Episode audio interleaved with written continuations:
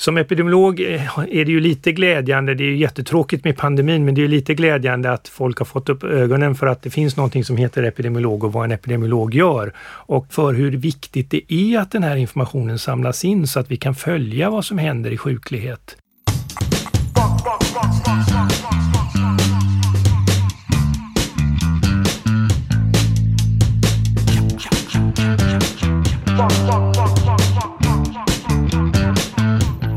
Hej och välkomna till Akademiliv, podden från Sahlgrenska akademin som är den medicinska fakulteten vid Göteborgs universitet. Podden görs av oss kommunikatörer, idag med mig Karin Alander. Och med mig Elin Lindström. Har du någon gång besökt en vårdcentral eller varit patient på ett sjukhus? Då har du, utan att tänka på det, bidragit till medicinsk forskning. Idag ska vi gräva ner oss i registerforskning, alltså den forskning som görs med data från hälsodatabaser, nationella hälsoregister och kvalitetsregister. Mm. Och gäst idag är Fredrik Nyberg som är gästprofessor i just registerepidemiologi här vid Sahlgrenska akademin. Välkommen Fredrik! Tack så mycket! Ehm, ett vanligt scenario då, då, som kanske många känner igen, det är ju att man sitter där i väntrummet och så fyller man i uppgifter inför vårdbesöket. Och så längst ner på blanketten, där finns den här frågan om man godkänner att datan sparas i kvalitetsregister. Ja, de flesta av oss kryssar nog ja i den där rutan utan att egentligen veta vad det innebär. Eh, kan du berätta Fredrik, vad är det man tackar ja till och varför är det så viktigt? Ja, jo, kvalitetsregister är ju då register som finansieras med offentliga medel och som eh, ofta inriktas på någon patientgrupp, speciell patientgrupp. Eh, och de har ju till syfte att följa upp och förbättra vården. Så det är ju ett angeläget syfte ur patientsynpunkt skulle jag vilja påstå. Sen finns det ett sekundärt syfte att kunna användas till forskning också, eh, som vi kanske kan prata mer om sen. Eh, men vad som kommer i de här registren det är ju då lite mer detaljerad information om just den här patientgruppen som samlas på ett sätt som är mer tillgängligt för, för läkarna och för professionen. Just att titta på hur går det för den här patientgruppen? Hur ser behandlingarna ut? Hur lyckas vi med behandlingsresultat och så vidare. Eh, så det blir ju ett komplement till de mera allmänna hälsoregister som förs i sjukvården då. Eh, för att man just har samlat det här och så kan man göra kvalitetskontroll på data på ett annat sätt också. Så det är en viktig sak att vara med i detta och ju fler som är med desto bättre blir ju informationen som vi får på det och det kan ju komma patienterna till godo i slutändan då när vården förbättras över tid. Nu har vi pratat om kvalitetsregister lite här, men det finns ju många andra typer av eh, register och eh, hälsodatabaser och så. Eh, vilken typ av register eh, använder sig du som är forskare av? Ja, det finns ju väldigt många register som sagt eh, och, och vi använder oss av, av många och det beror ju lite på vilken frågeställning man har. Eh, men några typer av register är ju till exempel de allmänna hälsoregistren eh, de stora nationella förs ju då av Socialstyrelsen men det finns en del eh, regionala också. Exempel är det nationella patientregistret med alla sjukhusinläggningar, dödsorsaksregistret, cancerregistret, medicinska födelseregistret med alla födslar och läkemedelsregistret med all vår läkemedelsbehandling, då, så allt som vi köper ut på apoteken. Eh, sen finns ju då de databaser som sjukvården för i själva sjukvården, de finns ju på regionerna eftersom det är regionerna som sköter sjukvården. De kan man också få ut data direkt ifrån. Eh, så det går att söka om att få ut data där. De är ju lite mer osorterade då kan man säga. De är ju förda för sjukvårdens ändamål. Sen finns det ju register som har socioekonomisk information, till exempel på Statistiska centralbyrån eller på Försäkringskassan, där man liksom kan koppla information om patienters eh, eh, ekonomiska tillstånd eller sånt där till sjuklighet eller risker för sjukdomar och sånt där. Eh, och sen finns det ju andra väldigt speciella register som till exempel värnpliktsregistret där man kan få lite information om mäns, eh, hur de såg ut i ungdomen och koppla det till sjukdom. Skolhälsan finns ju också och det finns väldigt många spännande register som man kan hitta om man har specifika forskningsfrågeställningar. Mm. Eh, och ja, ja, det beror som sagt på frågeställningen. Jag har använt ett antal av dessa och, och Jag håller just på med en stor studie där vi har kopplat in ganska många olika register eftersom man kan koppla dem med personnummer. Ehm, eh, Covid-19 är ju på tapeten förstås fortfarande. Eh, du håller ju på med en, en registerbaserad studie just med detta fokus. Kan mm. du berätta lite mer om den? Ja, ehm, jag var ju ganska ny i min roll. Jag började i januari förra året och sen kom ju då Corona i mars. Och eh, en av de saker jag kände då var väl att det var angeläget att försöka dra igång forskning eh, kring covid och corona. Eh, och det som var lite speciellt med det är ju att många gånger när man söker data från register eh, så ber man att få ut data en gång och sen kanske man uppdaterar så småningom efter ett par år när man behöver lite mer färska data och så. Men här var det ju fråga om att man ville få Eh, data så fort som möjligt och att de behövde vara uppdaterade för det hände ju saker hela tiden och man hade ju dessutom ganska lite data från början, så där, då ville man ju få in de nya data så man skulle få mer data. Och vi hade ju ingen aning om hur många som skulle bli sjuka eller så från början. Så att i alla fall, vi designade då en stor studie där vi har kopplat ihop en hel del av de här allmänna eh, registren med ett antal olika kvalitetsregister också samt data från, från eh, Statistiska centralbyrån. Eh, sedermera har vi även kopplat in en liten komponent där vi nu håller på att samla in data med en app från folk som vaccineras i Västra Götaland. Så att det finns information om det på en del vårdcentraler eh, och vaccinationspunkter. Eh, att man kan delta i den här studien och, och liksom registrera symptom som man eventuellt har efter vaccination ja. i den här appen. Vad är det för frågor som du som forskare är intresserad av här? Vad är det för frågeställningar ni jobbar med? Ja, alltså de grundläggande frågeställningarna som vi först fokuserade på, det var ju eh, att förstå pandemin i bemärkelsen eh, ja, dels beskrivande förstå vilka patienterna egentligen, vilka var det som blev sjuka? Det visste vi ju inte i början. Eh, vilka grupper, vilka är riskfaktorerna för sjukdomen? Och, och sådana frågor. Och sen eh, utifrån riskfaktorer då när man kommer så långt så kan man ju fundera över, kan vi på något sätt skapa prediktionsmodeller där vi kan förutsäga lite grann vilka som blir mest sjuka och råkar ut för sjukhusvård och kanske har störst risk att dö och i så fall rikta in resurser mot dem. Det är ju då syftet i det. Så det var sådana frågor kring sjukdomen mest från början som vi tänkte oss. Sen har vi utökat våra frågeställningar lite grann också så att nu tittar vi även på andra typer av effekter eh, i samhället av pandemin. Så till exempel hur har pandemin påverkat sjukskrivningen i samhället?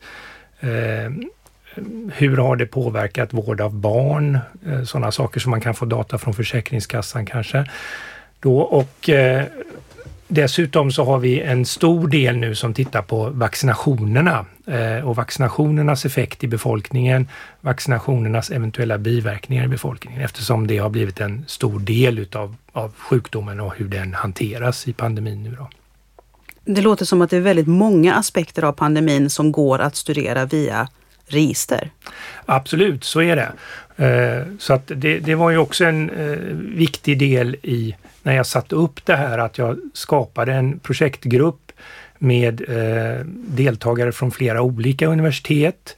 Eh, och eh, dessutom så har vi då liksom räckt ut handen till andra forskare som kan några av de här speciella registren och har frågeställningar som de vill göra. Så vi har ju säkert 20-30 olika analyser pågående just nu i olika frågeställningar. Mm. Men det är som du säger, det finns väldigt mycket man kan göra med de här data då och, och väldigt många frågor också kring en sån här ny sjukdom förstås. Mm. Tror du att det kan eh, bidra till att det intresset för registerforskning ökar bland eh, forskarna? Alltså det tror jag eh, absolut. Som epidemiolog eh, är det ju lite glädjande, det är ju jättetråkigt med pandemin, men det är lite glädjande att folk har fått upp ögonen för att det finns någonting som heter epidemiolog och vad en epidemiolog gör. Och eh, det rapporteras ju mycket från, eh, från eh, våra, våra register och från vår sjukvård via Folkhälsomyndigheten, Socialstyrelsen också Eh, innan det sen görs mer detaljerad forskning på det. Så att folk har nog fått ögonen, upp ögonen för hur viktigt det är att den här informationen samlas in så att vi kan följa vad som händer i sjuklighet. Eh, inte, bara för, och inte bara för en sån här akut sjukdom som den här pandemin, men också att det faktiskt är samma typer av problem och frågeställningar för andra sjukdomar. Mm. Nu har ju resultaten inte publicerats ännu. Jag vet att det är på väg att publiceras. Men kan du ge liksom en generell bild av vad det är ni, vad det är ni har kunnat se hittills i de här registren när det gäller eh, pandemin och covid-19? Jag, jag, vill egentligen inte avslöja så jättemycket om vad vi har kommit fram till innan det har kommit ut och, mm. och genomgått sådana här peer review och, och granskats av andra forskare. Eh, vi har presenterat några resultat på konferens, preliminära resultat då, och eh, vi har ju bland annat tittat lite på vilket är nytt, så, så det kommer nya resultat om eh, riskfaktorer i olika åldersgrupper. För hur det än är så i de tidiga studierna så ofta hade man kanske inte så många covidpatienter. Sen har det blivit fler med, med, tiden och då har det blivit lite lättare men ofta har man liksom grupperat ihop alla och gjort en analys och tittat på vilka är riskfaktorer i den här gruppen. Men i själva verket så i våra analyser så finner vi att det, det är väldigt olika riskfaktorer i liksom barn 0 till 10 eller vuxna 20 till 30 eller, eller äldre 70 till 80. Så där har vi försökt göra eh, åldersseparerade analyser som jag tror kommer med väldigt intressanta resultat ganska snart. Och en annan analys som vi har eh, gjort så, där vi har lite preliminära resultat är att vi har tittat på olika eh, riskfaktorer och bland annat då vad, vad, läkemedel som människor står på. Där har det diskuterats kring vissa läkemedel om de skulle kunna påverka risken för covid. Och vi har då i en studie här tittat på statiner eh, eh behandlingar mot eh, höga blodfetter som många människor äter eh, i samhället. Och eh, där har vi faktiskt eh, sett att det verkar ha en skyddande effekt eh, mot covid. Eh, både att få covid eh, och, och att få allvarligare covid och läggas in på sjukhus, men också för död faktiskt i covid. Eh, och det, det har varit lite varierande resultat från andra eh, forskare kring den här frågan just med statiner. Eh, men man kan väl ändå säga att eh, de, totaliteten av alla studier pekar på att det kanske finns en liten skyddande effekt utav att äta de här.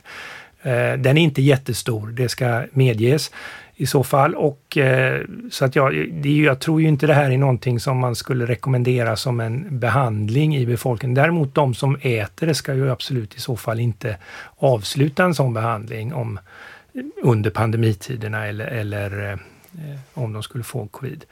Men som sagt, det, här, det är många frågeställningar kring covid som fortfarande svajar lite fram och tillbaks. Eh, det, det, eh, så att vi får nog vänta lite innan vi har väldigt slutgiltiga svar på detta. Men, men det är vad, vad de här preliminära svaren, eh, resultaten tyder på i den här frågan i alla fall. Om, om jag får be dig spekulera, det kanske man inte ska göra till en forskare, men om jag får be dig spekulera ändå. Eh, vad kan det vara för mekanismer egentligen där då som gör att, att statiner eh, har en viss skyddande effekt? Mm. Ja, det är ju inte taget helt ur luften att vi har tittat på just statiner utan det finns ju i det, det sänker ju då blodfetterna och det är därför det används. Men det har ju också effekter på att påverka, eh, dämpa immunsvaret lite grann och det skulle kunna påverka Eh, man vet också att statiner har en, en stabiliserande effekt på cellmembraner eh, och då skulle det kunna vara så att det faktiskt gör att det är svårare för corona, SARS-CoV-2 eh, eh, viruset att tränga in i cellerna och att spridas till andra celler och därmed skulle det liksom kunna dämpa infektionen. Men, men det, vi har ju i de här studierna, det här är rent epidemiologiska studier vi har gjort, där vi har tittat på, där vi liksom har jämfört gruppen som har fått statinen jämfört med gruppen som inte har fått det. Så vi har ju inte tittat på mekanismen här egentligen, men, men vi samarbetar med några forskare här på GU som också tittar på mekanistiska studier och cellstudier kring hur det här påverkar. Så att det finns ju i alla fall en tänkbar underliggande mekanism. Spännande. Mm, mm. Det får man verkligen säga tycker jag. Eh, du har ju rekryterats till vår eh, fakultet här för att eh, just stimulera registerbaserad forskning. Ehm, vad är det du gillar så mycket med att forska i register? Ja, det som är annorlunda med att forska i register jämfört med att samla in data då, för det är väl den stora andra delen, är ju att eh, det, på ett sätt är det ofta lite snabbare för data finns ju redan. Eh, det finns både för och nackdelar med register, alltså de är ju inte eh, Data är ju inte insamlade primärt för den forskning du har tänkt att göra utan det, det är insamlat för något annat ändamål. Försäkringskassan har det för sina egna ändamål och värnpliktsregistret insamlat för militären och, och sjukvården samlar in för sina ändamål. Men, och det gör att de kanske inte är optimala för din forskningsfråga. Å andra sidan så gör det det väldigt intressant att försöka förstå de här processerna kring hur data har samlats in och vad det betyder för datas kvalitet och så vidare.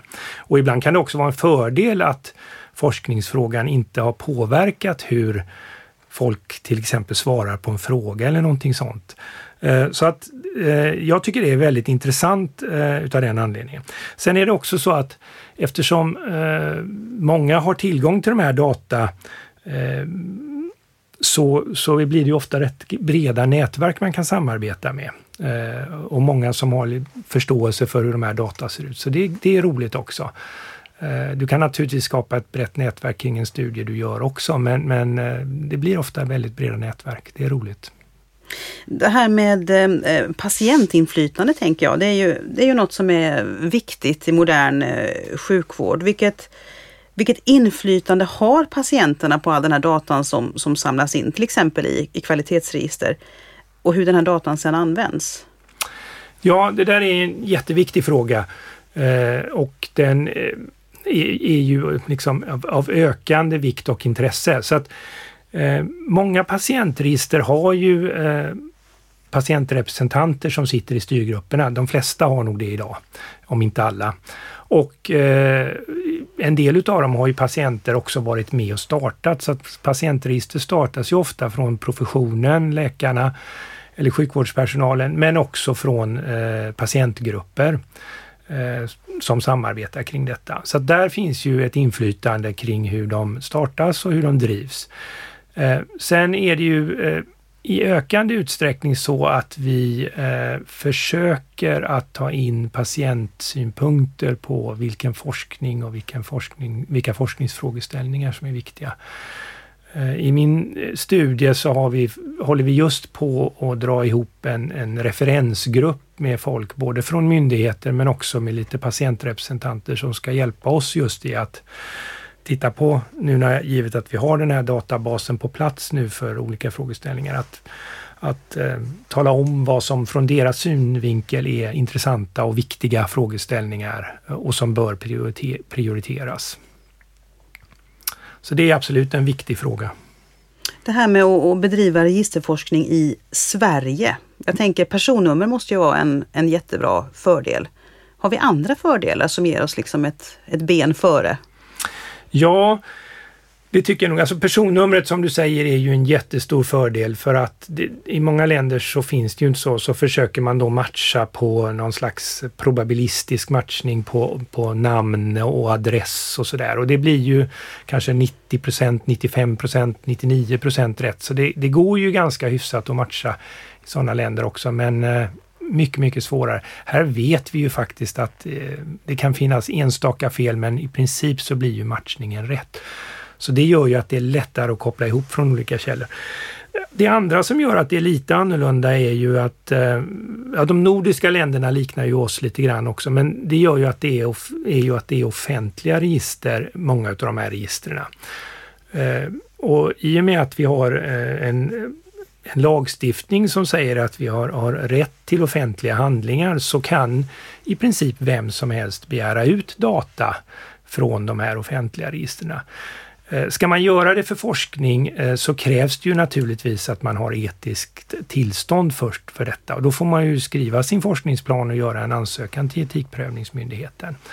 Och sen även med den i handen så gör ju varje registerhavare en prövning eh, utav en, en eh, sekretess och menprövning. Eh, om det går att lägga, lämna ut de här data och om sekretessen är tillräcklig, om det inte leder till men för patienten och så. Så att bara etisk eh, godkännande eh, gör inte att du nödvändigtvis får ut data, men det är en, en, en förutsättning för att du ska kunna få ut data.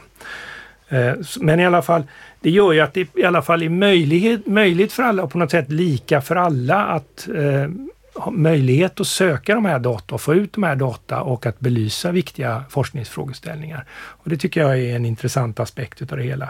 Och sen är, är det ju också så att eh, i många andra länder är det ju då privata eh, företag kanske som äger, det kan ju vara försäkringsföretag som äger stora databaser. Då kan det ju vara mycket ja, helt andra regler och det kan vara kostnader också för det är väl den tredje delen här då som att eh, det offentliga gör att i princip så är det en självkostnad som du får betala för att få ut de här datan.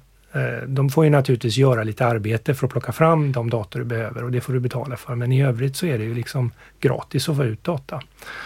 Eh. Du nämnde lite förbegående nu registerhavare eller registerhållare. Vad är det för person och vad, vad, vad har den för ansvar? Ja, alltså det, eh, varje register Eh, har ju någon som är ansvarig för det. Eh, och det, när det gäller eh, våra stora hälsoregister så är det ju eh, Socialstyrelsen eller någon annan myndighet då. Och Försäkringskassan är ju liksom registerhållare för sitt register och eh, regionerna har ju sina sjukvårdsregister och så. Och SCB är ansvarig för sitt. Eh, och när det gäller kvalitetsregisterna så har ju de en styrgrupp och en person inom den styrgruppen som då är registerhållaren. Och det är ju de här personerna eller de här myndigheterna som man får vända sig till när man vill ha information om registren eh, eller om man då vill söka om att få ut data för forskning till exempel. Eh, men de är ju, förutom att de har hand om den här biten, datautlämningen, så eh, när det gäller till exempel ja, alla register, men, men kvalitetsregister och så, så är de ju ansvariga för utvecklingen av register och hur, hur gör vi på sikt här och hur kan vi utveckla det? Ska vi, ska vi ändra på registret på något sätt? Ska vi samla in några nya data? Eh, ja, och vad använder vi för, för, eh, för datateknik? Det är ju jättemånga sådana frågor som, som registerhållare och registerstyrgrupper behöver eh, ta hand om. Något som jag har funderat lite grann på det är det här med eh, befolkningsstudier kontra registerstudier. Vi har ju, eh, inte minst här vid Sahlgrenska akademin, har vi flera eh, jättebra befolkningsstudier som genererar jätteintressanta forskningsresultat. Bland annat den här H70-studien om åldrandet och mm. där man jämför olika generationer av åldrande och sådär. Eh, vad är skillnaden mellan forskning som baseras på befolkningsstudier och registerforskning? Jo, alltså det finns ju ingen jätte, jätteskarp gräns eller det, tydlig definition mellan databas och register och studie. Alltså, Möjligen kan man säga så här att en skillnad mellan det som kallas registerforskning i vid bemärkelse och det som då inte är registerforskning är att den data som, som samlas in i den delen som inte är registerforskning, där utgår man från en forskningsfrågeställning när man då eh, designar sin studie och bestämmer vilka data man ska samla in och hur man ska samla in dem. Det kan ju vara ett frågeformulär eller provtagning eller vad det nu kan vara. Eh, så det ligger en, en, en bred eller smal forskningsfrågeställning i botten för hur data insamlas. Sen kan man ju säga att när man väl har fått de här data och, och gjort sina analyser och, och belyst de här ursprungliga eh, kärnfrågeställningarna, då har man ju en databas som på ett sätt skulle kunna karaktäriseras som ett register. Men skillnaden är ändå att det har insamlats för ett forskningsändamål medan de här andra registren är ju insamlade för icke forskningsrelaterade mål, så att helt andra mål. Hälsovården gör det för att de ska kunna följa patienter och ge bra vård och, och så. Och Socialstyrelsen för att de har ett uppdrag att eh, framställa statistik för, för myndigheter och, och regeringen. Och ja, det finns olika och Försäkringskassan gör det för att de ska kunna administrera sin, eh, sina utbetalningar och sådär. Så att det finns en annan orsak som ligger i botten. Men visst, det blir ju på sätt och vis ett register när man samlar det och behåller det och kanske med tiden också utöka frågeställningar. En sak som inte har pratats mycket om nu det är ju koppling mellan eh, kanske registerforskning och eh, läkemedel och läkemedelsutveckling och så. Eh, du har ju jobbat eh, länge som epidemiolog på AstraZeneca. Eh, kan du berätta lite om det? Ja, eh, jo, jag var nästan 20 år på AstraZeneca som epidemiolog eh, och eh, eh, epidemiologisk forskning och registerforskning inte minst är en, en viktig del av, av det som görs på ett läkemedelsföretag. Eh, man kan väl säga att eh, när det gäller epidemiologin så är det tre stora delar som eh, vi gör. Och en utav dem har att göra med att följa läkemedel när de, väl, när de kliniska studierna väl är gjorda och de kommer ut på marknaden. För då hamnar ju en massa data i register, men du kan också samla in data förstås från patienter direkt om du vill det. Eh, och du behöver följa upp hur läkemedlet fungerar när det väl kommer ut på marknaden. För hur det än är från de här kliniska studierna så är, rör det sig ju ofta om kanske tusentals till tiotusentals individer som läkemedlet har testats på. Och sen helt plötsligt kommer det ut på i världsmarknaden på, i många länder kanske och eh, ges till hundratusentals eller miljontals individer och då Eh, och andra individer, kanske lite andra individer i alla fall än de som, de som var med i den kliniska prövningen. Så då kan det ju bli så att eh, både effekten av läkemedlet ser lite annorlunda ut och att biverkningarna Eh, ser lite annorlunda ut eller att ovanliga biverkningar som man kanske inte hade kunnat se i de här smågrupperna kommer fram. Då. Så det är viktigt att göra och då har ju register en, den fördelen att data kommer in snabbare där och det är mycket mindre kostsamt att få ihop stora mängder data än om du ska liksom gå ut och samla in det själv från patienter. Det blir väldigt, väldigt kostsamt. Det blir nästan lika kostsamt som att göra en klinisk prövning.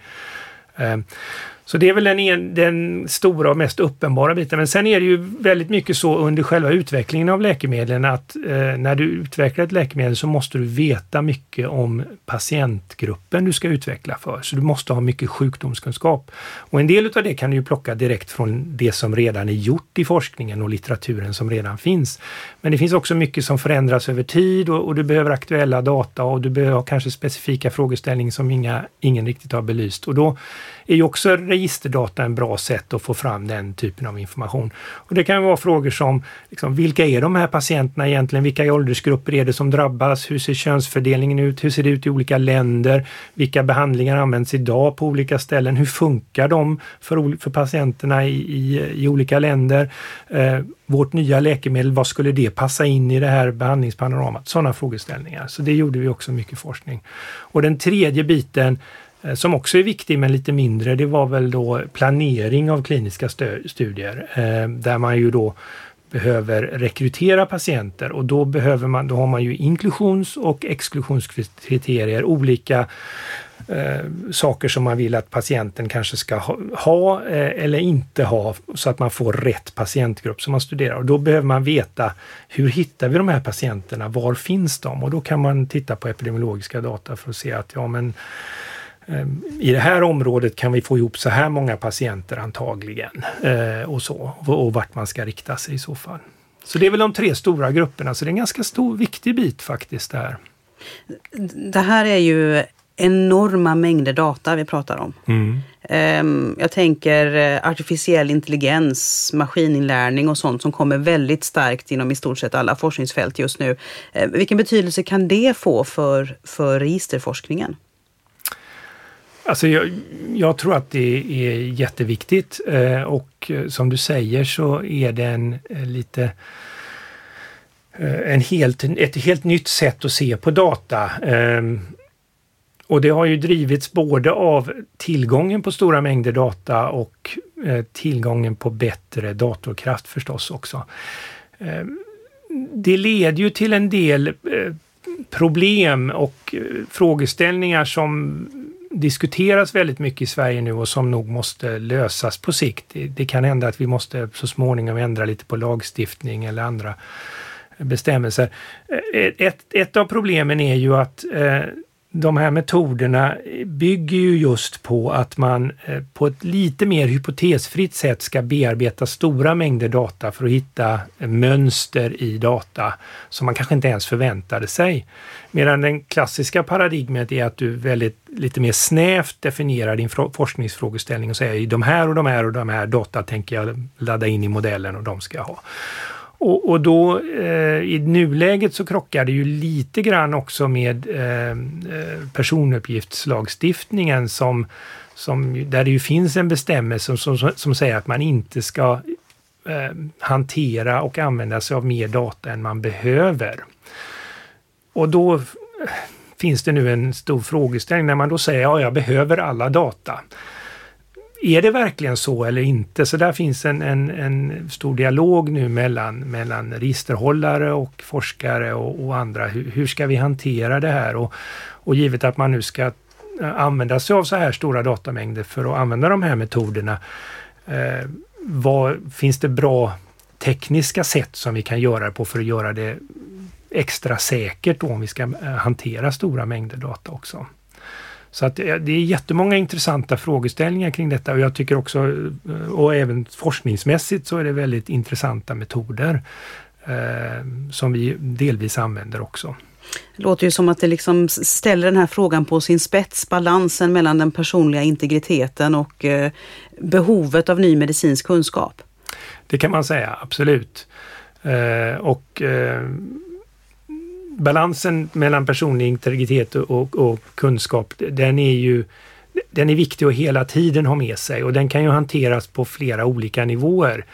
Eh, och en, en nivå har ju varit just vad lämnar vi ut från de här ursprungliga registren där vi ändå har bestämt att det ska finnas. Eh, men en annan nivå är ju hur hanteras data? Hur sker utlämningen?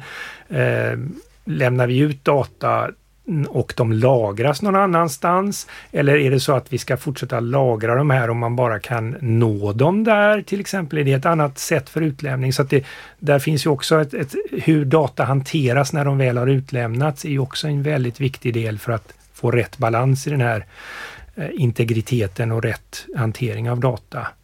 Samtidigt som man då måste se den andra sidan att, att allt det här genererar väldigt viktig information för för samhället och för patienterna och för, i, i, i förlängningen för individerna.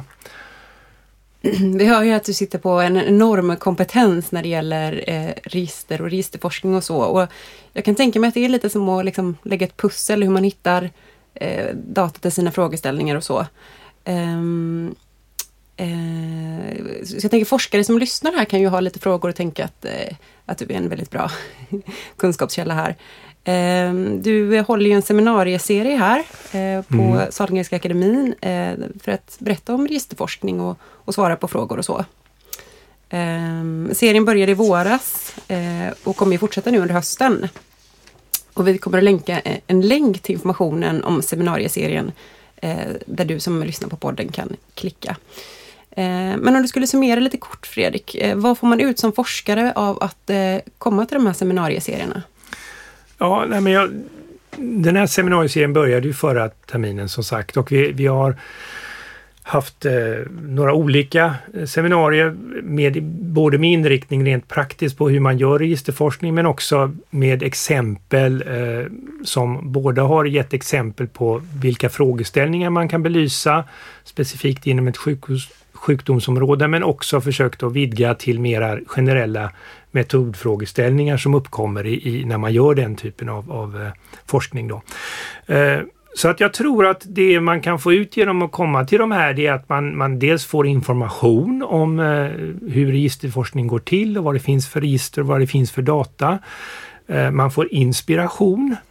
Man kan se lite vad andra har gjort och vad som går att göra och kanske få idéer till vad man kan göra inom sitt eget område eh, och goda exempel då på, på hur det kan göras. Och samtidigt så kan man ju också se vilka som föreläser och vilka kanske som deltar delvis där också och eh, skapa sig sitt nätverk lite bättre. Det är ju också en förhoppning vi har att det här ska hjälpa till att skapa ett bättre nätverk av registerforskare inom eh, Göteborgs universitet. Men även externt så småningom, men, men eh, inom då framför allt.